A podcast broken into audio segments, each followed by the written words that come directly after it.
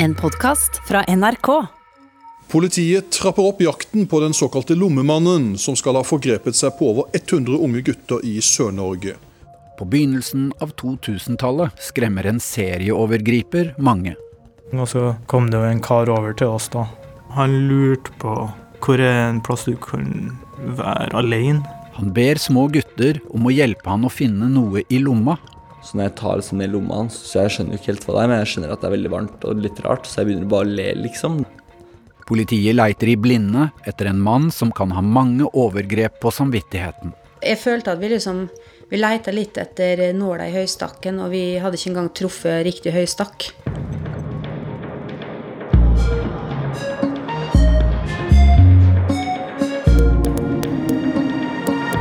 Du hører på hele historien 'Jakten på lommemannen' av Synva Hjørnevik.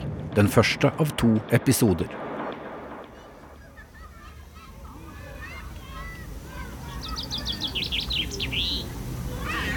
Var nesten ute hele tiden etter skolen, egentlig.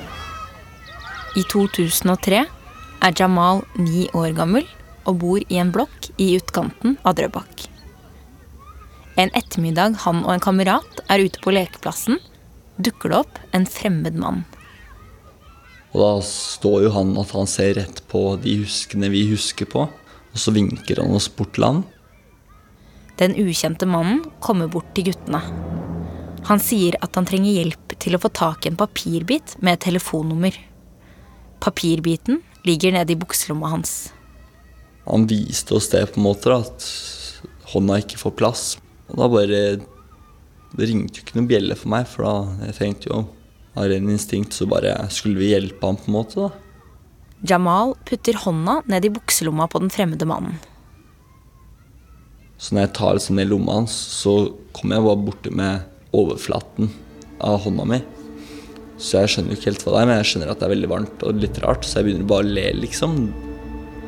Og så spurte han kompisen min, og så gjorde kompisen min det samme. Mannen har et forslag. Hva om de to ni og ti år gamle guttene blir med bort til barneskolen rett over veien? Så kan de hjelpe han mer der borte. Og så gikk vi da på baksiden av skolen, og der er det et bygg til som er lite. Og bak der ville han ha oss. Stående på baksiden av skolen, i skyggen av en fjellknaus, kommer mannen med enda et forslag. Han vil at guttene skal ta på tissen hans. Jeg syns det skjedde egentlig ganske kjapt, på en måte. Jeg merka at på en måte meg ville han ikke ha så mye der, for jeg lo litt mye. Sikkert fordi jeg syntes det var litt rart, på en måte. At sikkert noe inni meg bare sa at dette stemmer ikke, på en måte. Og så bare var det en reaksjon at jeg bare lo hele tida, så jeg ble mer den som skulle stå og holde vakt, da. Mens Jamal passer på at ingen voksne kommer, bøyer mannen seg ned og tar tissen til kameraten i munnen. Og så endte det opp med at um, han ga 100 kroner til uh, kompisen min. Og da husker jeg at jeg spurte om kan ikke jeg også få en hundrelapp. Da sa han nei, den kan dere få dele. Og så begynte han å klatre opp fjellet bak skolen der for å komme ut på andre siden.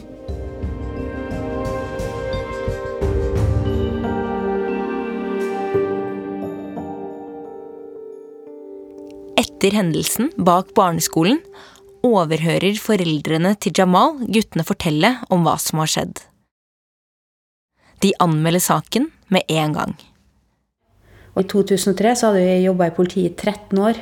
Og jeg hadde jo egentlig hele tida jobba med etterforskning av seksuelle overgrepssaker. Inger Lise Brøste jobber i politiet i Follo, sør for Oslo. I starten av mai 2003 får hun en ny sak inn på kontorpulten. En anmeldelse av overgrep mot to små gutter. Jeg satt og bare leste for å, og så på om det var noen arbeidsoppgaver, ting vi skulle ta tak i. Så så jeg liksom på hvordan fremgangsmåten hadde vært, som vi kaller modus, da. Som var litt sånn spesiell. Det er flere ting ved hendelsen som får Inger-Lise til å stoppe opp denne dagen. Jeg hadde hørt om mange forskjellige sånn fremgangsmåter med dette med at det, var, at det var gutter, liksom. Og så var det jo noe med måten dette var gjennomført på som jeg tenkte dette var uvanlig. Stor risiko for å bli oppdaga, da. I politiregisteret finner Inger-Lise en lignende hendelse fra to år tidligere, der gjerningsmannen aldri ble tatt. Og så kommer det inn enda en overgrepssak. Denne gangen fra Askim, der en fremmed mann har tatt kontakt med noen smågutter i et skogholt. Han trengte hjelp til å finne en papirlapp fra bukselomma. Altså Det var liksom veldig spesielt at det var tre saker bare i Follo politidistrikt. da. Hvem kunne ha gjort dette her hos oss? Hvilken eh, potensielle overgripere har vi i vårt distrikt som kan ha gjort dette her? Men eh, vi kom jo ikke videre, for vi hadde jo liksom ingen som hadde den fremgangsmåten eller modusen i vårt distrikt. Så da sto vi der, da. To måneder etter overgrepet mot Jamal sitter Inger-Lise i bilen på vei til Lørenskog. Hun har fortsatt ikke kommet noen vei med de tre overgrepssakene. Og så drev jeg og kjørte opp på Romerike, ikke godt kjent. Og når du bare den gangen hadde kartbøker, så var det en dårlig kombinasjon. Og så da fant jeg ut at da kan jeg ringe til hun eh, Odny, som da jobba på Romerike. Ja, Da Inger-Lise ringte meg, så var hun da på vei til eh, Ahus, men fant ikke frem. Så hun spurte vel egentlig om, eh, jeg kunne hjelpe henne å bare lose henne til målet. I 2003 jobber Odny Myhrer som politi på Romerike, med spesialitet innen overgrep mot barn. Etter å ha fått Inger-Lise på rett vei, begynner de å prate om hva de driver med. Underveis så snakket vi fag. Det gjorde vi jo alltid når vi var sammen. Og hvilke saker som, eh, som det var verdt å dvele litt ved. Hva, hva er på gang, liksom? Tidligere denne våren hadde også Odny fått en anmeldelse som skilte seg litt ut. I en busslomme på Skedsmo hadde en ukjent mann tatt kontakt med en gutt og bedt han om å ta i bukselomma hans. Jeg hadde aldri vært borti den måten å, å lokke barn på før. Mange andre ting, men ikke den spesifikke tingen. Og i den samtalen så, så fortalte hun da om, om saker som eh, var veldig lik den saken jeg hadde da fra denne busslommen. Og da var det jeg spurte henne om at dere også har Har dere en lommemann, dere også?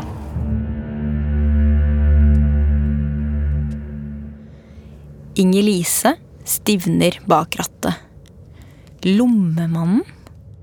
Kan det være snakk om én og samme person?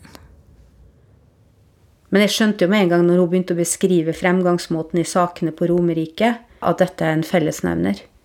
Og det var liksom sånn Når vi begynte å snakke om dette her, da får du egentlig litt sånn følelsen av at eh, Oi, det var liksom ikke bare Follo. Så det tenker jeg var et vendepunkt.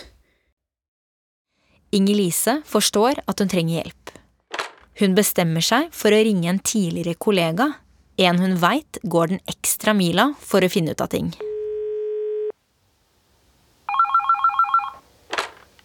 Inger Lise spurte om kan dette være av interesse. Ja, selvsagt, sa jeg. Dette hørtes jo veldig spennende ut. Håvard Aksnes jobber med overgrepssaker i Kripos. Og liksom denne tanken eh, som vi også nevnte oss imellom, at kanskje er det en og samme gjerningsperson. Altså en serieovergriper. Serieovergripere er ikke hverdagskost i Norge. Selv ikke for en hardbarka Kripos-etterforsker som Håvard. Det var jo noe som fantes i USA, det. Og på CSI og disse serien, seriene på TV. Så at det skulle være en serieovergriper liksom i lille Follo politidistrikt, det var litt sånn spesielt å tenke på. Men vi var inne på tanken, vi snakka om det som en mulighet. Men vi var jo veldig usikre, vi visste jo ingenting. Det blir bestemt at det skal settes sammen et eget team som skal finne ut av hvem denne lommemannen er. Håvard skal lede det, og med på laget får han også Inger-Lise. De søker i eget nettverk uten å komme noe videre. For å nå bredere ut blir det skrevet et innlegg i Polititidene, som er politiets interne tidsskrift. Det blir sendt ut til alle politidistrikter og lensmannskontorer. Vedkommende person beskrives som forholdsvis voksen og har gjerne caps eller annet hodeplagg. Vedkommende er ofte iført grønn fritidsjakke, blå dongeribukse, joggesko eller mørke sko. Synes noen ganger å ha en skadet arm og en noe spesiell gange. I de fleste tilfellene er det beskrevet østlands- eller Oslo-dialekt. Det finnes også opplysninger om stamming, skarring på r eller trønderdialekt. Vedkommende person opererer gjerne på steder hvor barn treffes. Dette kan være ved skoler, lekeplasser, idrettsanlegg og lignende. Ofte på en fredag eller lørdag, men også andre dager. Og da begynte det å tikke inn meldinger fra rundt omkring i ikke hele landet, men iallfall Sør-Norge, om at jo, vi hadde en sak der og en sak der og en sak der. Antall overgrepssaker øker dramatisk. Vi hadde jo et sånn norgeskart på veggen, for du er avhengig av å ha kart, for du må drive og plotte inn for å se, visualisere hvor er det dette har skjedd. I løpet av kort tid står politiet med 69 punkter på norgeskartet. Men det finnes ingen mistenkt i noen av sakene. Så står vi der foran dette kartet og så kikker, og vi ser at ikke noe i Nord-Norge, ikke noe i Bergen. Det var sånne spørsmål vi hadde, da. Lurte på hvorfor. Tallet er overveldende, og særlig hvis det er én og samme gjerningsmann som står bak. Men i ingen av sakene finnes det noen mistenkt. Da ble jo egentlig motivasjonen enda større til å prøve å finne ut av det, rett og slett. Politioverbetjent Inger Lise Brøste. Og det at det var mange uoppklarte saker eh, over et gitt tidsrom, gjorde jo da at man tenkte at dette kunne komme til å skje igjen også. Sånn at man prøvde jo å Det var det som var intensjonen, å prøve å oppklare, sant. Og få stoppa det. Og mens politietterforskerne fortsetter å lete på sin kant, dukker det opp en ukjent mann i Trondheim.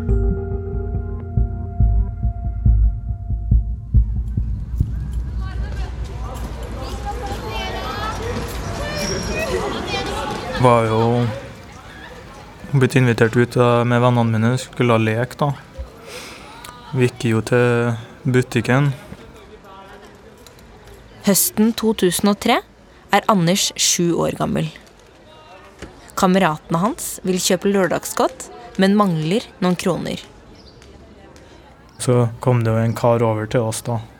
Og så spurte oss ja, nei, mangler du penger til å kjøpe det du ville ha. Og han ene vennen min som skulle ha kjøpt det, var jo sånn, ja. Og så ja, nei, han kunne jo gi oss de pengene. Vennene til Anders går inn på butikken, mens Anders blir stående utafor og prate med den gavmilde mannen. Han lurte på hvor er en plass du kan være alene. Anders forteller at han veit om et sted der det sjelden er noen andre. I oppgangen i blokka der han og familien bor. Sjuåringen spør om han skal vise den ukjente mannen stedet han mener. Så ja, nei, vi gikk jo da. Sto der i ett minutt kanskje og titta inn, og så ringte jeg jo på til naboen jeg kjente som jeg visste var hjemme da. Og så sa jeg ja, nei, jeg ville innom, så kan du åpne døra, og så gikk vi jo inn da. Da går vi jo opp trappa mellom første og andre etasje da. Og så skjer det. Ja.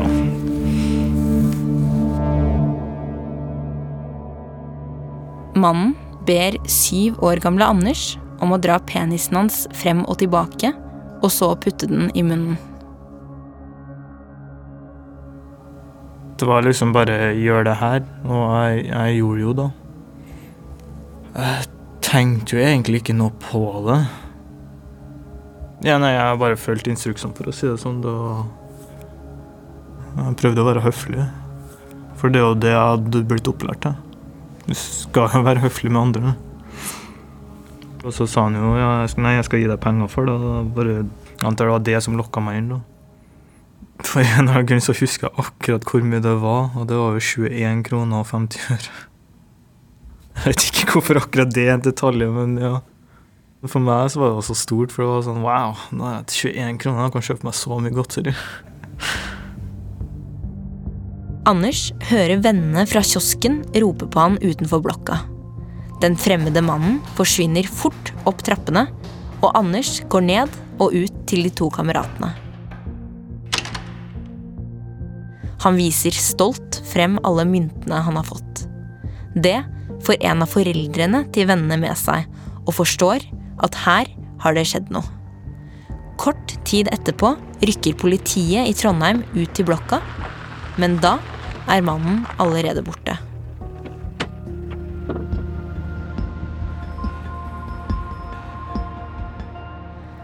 Trondheimspolitiet jobber effektivt med å samle inn friske spor etter overgrepet mot Anders, og det gir resultater. De finner biologisk materiale, og de legger merke til at i blokkas oppgang finnes det to overvåkningskameraer. Etterforskerne sitter nå med noen kornete overvåkningsbilder i svart-hvitt. De ser en mann med caps, allværsjakke og lyse olabukser. Barna beskriver han som en slank, ung, voksen mann. Og aller viktigst politiet har fått tak i mannens DNA-profil.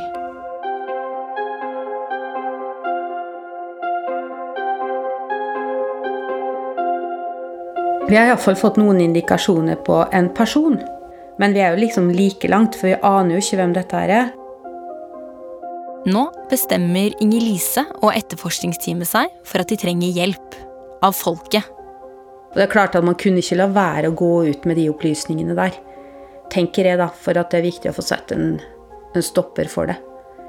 Og så er det jo sånn at eh, media er jo den store detektiven. Faktisk. Man jobber jo med krim, og man hører jo mye rart og opplever mye rart eh, som man knapt tror skulle være mulig. Øystein Millie jobber som krimreporter i VG. Men likevel så dukker det altså opp ting som man eh, ikke kunne forestille seg. Altså det at en overgriper skulle være så utspekulert at han eh, opererer på den måten der, det, det, hadde jeg ikke sett komme. Så det husker jeg var noe av det første jeg merka meg ved, var jo at dette var jo liksom helt sånn eh, i alle dager.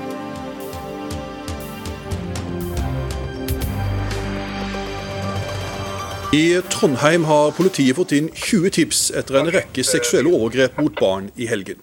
Politiet leter nå etter én eller to menn. En av dem skal være mannen på dette bildet, som er fanget opp av et overvåkingskamera. Etterforskerne har også sikret flere biologiske spor, men regner ikke med noen snarlig pågripelse av mannen eller mennene som står bak.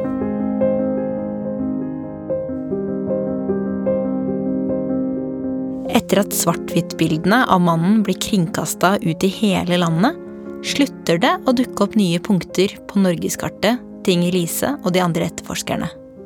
Vi får ikke flere meldinger. Og da er vi jo liksom på høsten 2003.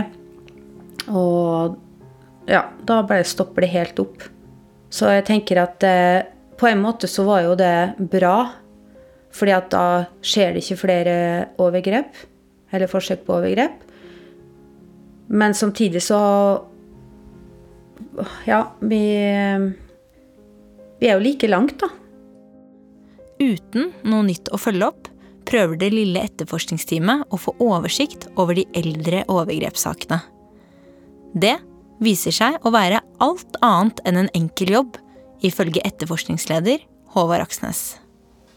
Med noen få hederlige unntak så var det rett og slett veldig dårlig etterforska.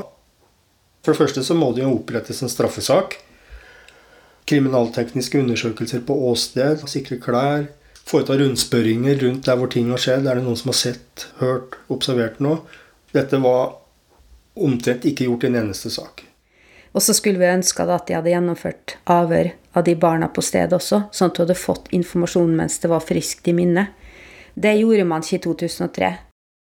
Inger Lise mener det er spesielt viktig å få avhørt barn så raskt som mulig, sånn at de husker de viktige detaljene. Hvordan mannen så ut, hvor gammel han var, og hvordan han snakket. Derfor så blei jo det til at barn fortalte til foreldrene sine eller til andre, som da igjen gjenfortalte til politiet som kom til stedet. Og da var det ikke sikkert at vi fikk det hele bildet.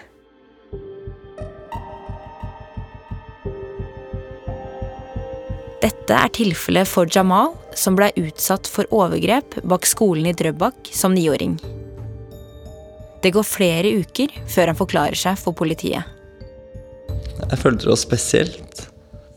Jeg skjønte liksom ikke helt hva er det de spør om. Hvor kommer spørsmålene fra? Hvorfor, hvorfor er det spørsmål rundt dette, driver jeg og tenker, da. Så for meg ble det jo helt unormalt at foreldra mine sitter utenfor, og jeg sitter helt alene med en politimann. Jamal forteller ingen om det som skjedde da han møtte lommemannen.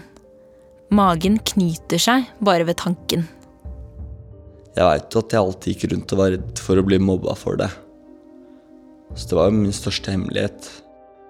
I tida etterpå kan han ikke huske å ha fått tilbud om å prate med noen om det han opplevde den våren. Han føler seg veldig aleine, og 13 år gammel begynner Jamal å ruse seg. Så merker jeg at det gjorde at problemene i hodet på en måte bare ble skyvd vekk. Tenkte ikke mer på det. Jeg tenkte bare at jeg har det bra når jeg på en måte er rusa.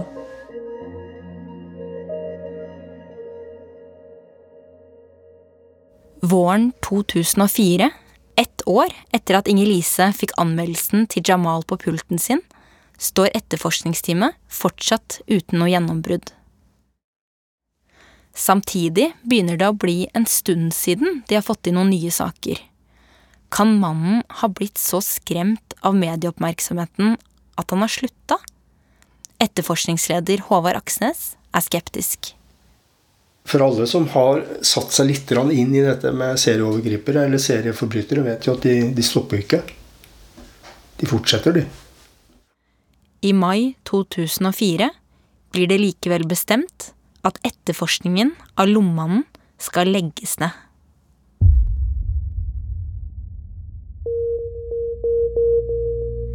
Jeg følte at vi liksom Vi leita litt etter nåla i høystakken, og vi hadde ikke engang truffet riktig høystakk. Så det var veldig sånn ah, Det var altså bare blytungt. Og når i tillegg egentlig jeg, jeg tror ikke mange hadde helt trua på dette her. For det var litt sånn for Det er litt for fantastisk at en som har vært i en Liksom i Askim eller ved en idrettshall på Tjøme, skulle liksom ha vært i, oppe i Trondheim også. Inger-Lise og Håvard bretter sammen norgeskartet. Ned i kjelleren på politistasjonen i Follo bærer de tunge esker med måneder av arbeid. Nå legger vi dette her bort, for det er ikke til å stikke under en stol at vi ble egentlig litt ledd av av enkelte i politiet. Som eh, flåsa ganske mye med at vi drev og etterforska sånn, den der lommemannen og liksom Du følte vel kanskje at det var oppkonstruert at det var en sånn serieforbryter, da. Og det eh, er ikke så veldig kjekt. Navnene de har gitt overgriperen, hjelper ikke saken, tenker Inger-Lise. Det som er uheldig med det, er at det sier veldig lite om hva dette handler om. Det er jo bare en bitte liten del av modusen som beskrives. Dette med å hjelpe til å finne noe i lomma. Man setter på en måte navn på saker eller prosjekter og sånne ting. Og uten at vi egentlig tenker over det, så kan det være med på å på en måte kanskje bagatellisere det. Ikke for oss som sto tett på dette her, men for de rundt. Månedene går, og Inger-Lise og Håvard jobber med andre saker. DNA-prøven fra Trondheim og de uskarpe bildene av lommemannen ligger pakket bort. I det samme tidsrommet blir barn over store deler av Sør-Norge kontaktet av en mann. Han trenger hjelp til å hente ut ting fra lommene sine. Enten har mannen for store hender, eller så har han skadet seg og får det ikke til selv. Mannen lover at i lommene ligger det penger som guttene skal få. En åtte år gammel gutt blir misbrukt i en svømmehall i Odda. To gutter på åtte og ni år blir misbrukt ved en skole på Jevnaker. En elleveåring er forsøkt misbruka i Bø i Telemark. En åtte år gammel gutt blir forsøkt misbrukt på Ringerike. En tolvåring blir forsøkt misbrukt ved en ballbinge i Skien. En ni år gammel gutt blir misbrukt på en fritidsklubb i Førde. Overgrepene blir anmeldt. Men ikke i noen av sakene lykkes politiet med å finne gjerningsmannen. Og ingen kobler hendelsene til lommemannsaken.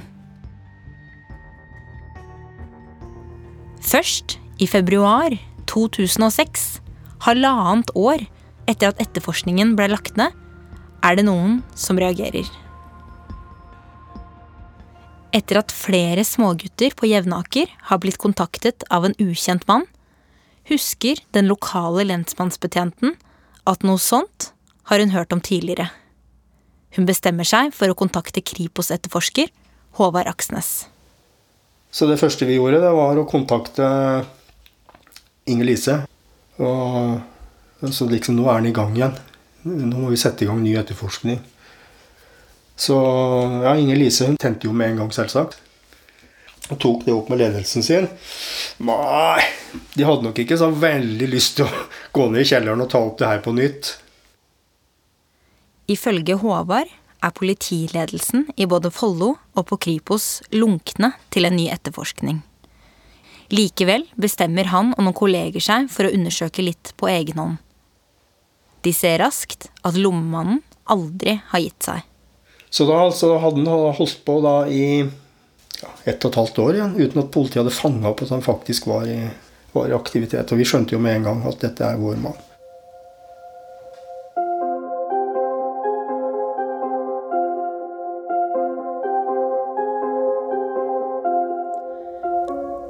Fra overgrepene på en barneskole i Jevnaker, svømmehallen i Odda og en fritidsklubb i Førde finnes det biologiske spor. Men i 2006 har ikke politiet noe sentralt DNA-register. Prøvene ligger uanalysert ute hos de forskjellige politidistriktene. Men nå ber Håvard og kollegene om at materialet skal sendes inn til Rettsmedisinsk institutt.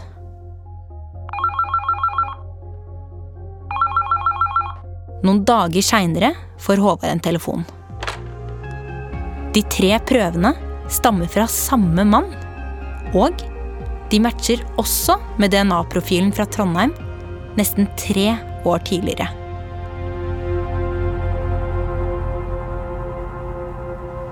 Da begynte det å falle mange brikker på plass.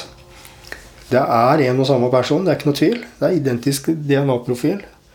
Han har holdt på i alle fall fra 2003 til februar 2006.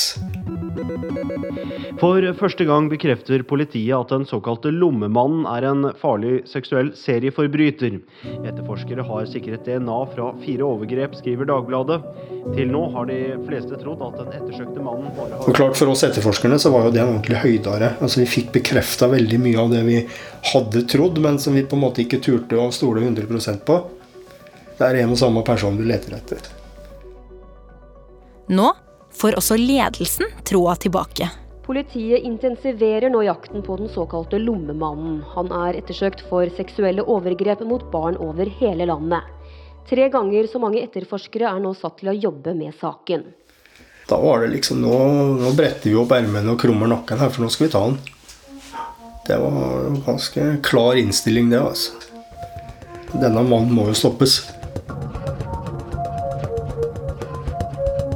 Dette var første del av 'Jakten på lommemannen' av Synva Hjørnevik i Svarttrost Produksjoner.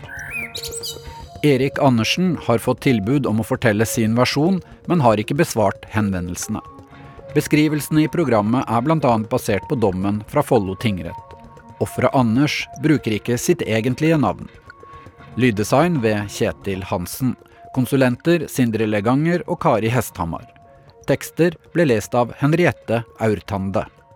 Redaktør er Siril Heierdal. Jeg heter Kjetil Saugestad og er produsent. Del to av dokumentaren finner du i appen NRK Radio.